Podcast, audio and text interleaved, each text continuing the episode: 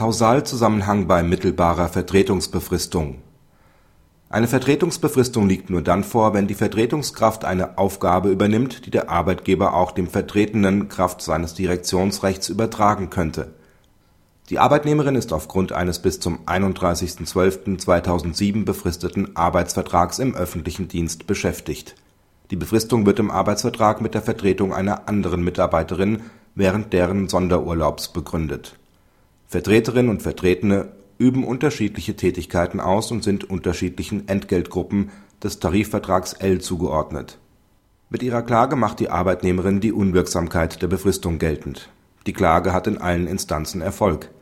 Die Befristungsabrede ist nach Ansicht des BAG nicht durch den Sachgrund der Vertretung gemäß § 14 Absatz 1 Satz 2 Nr. 3 Teilzeit und Befristungsgesetz gerechtfertigt das BRG unterscheidet zwei Formen zulässiger Vertretungsbefristung.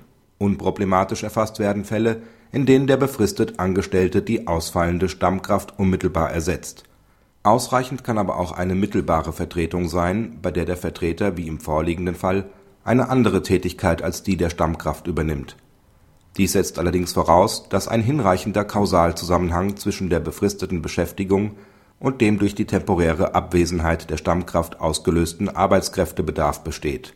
Dies ist nur dann der Fall, wenn dem Vertreter Tätigkeiten übertragen werden, die der Arbeitgeber Kraft seines Direktionsrechts auch dem Vertretenen übertragen könnte. Dabei ist der Umfang des Direktionsrechts zum Zeitpunkt des Abschlusses der Befristungsabrede entscheidend. Bei mittelbarer Vertretung müssen bei Vertragsschluss zudem die Aufgaben des Vertreters einem oder mehreren vorübergehend abwesenden Beschäftigten gedanklich eindeutig zugeordnet werden.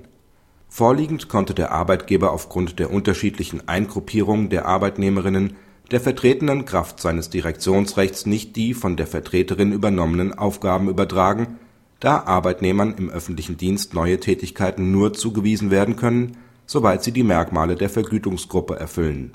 Ein hinreichender Kausalzusammenhang lag daher nicht vor so dass der Sachgrund der Vertretung nicht erfüllt war. Praxishinweis Das BAG bestätigt seine Rechtsprechung zum Erfordernis eines Kausalzusammenhangs bei Vertretungsbefristungen.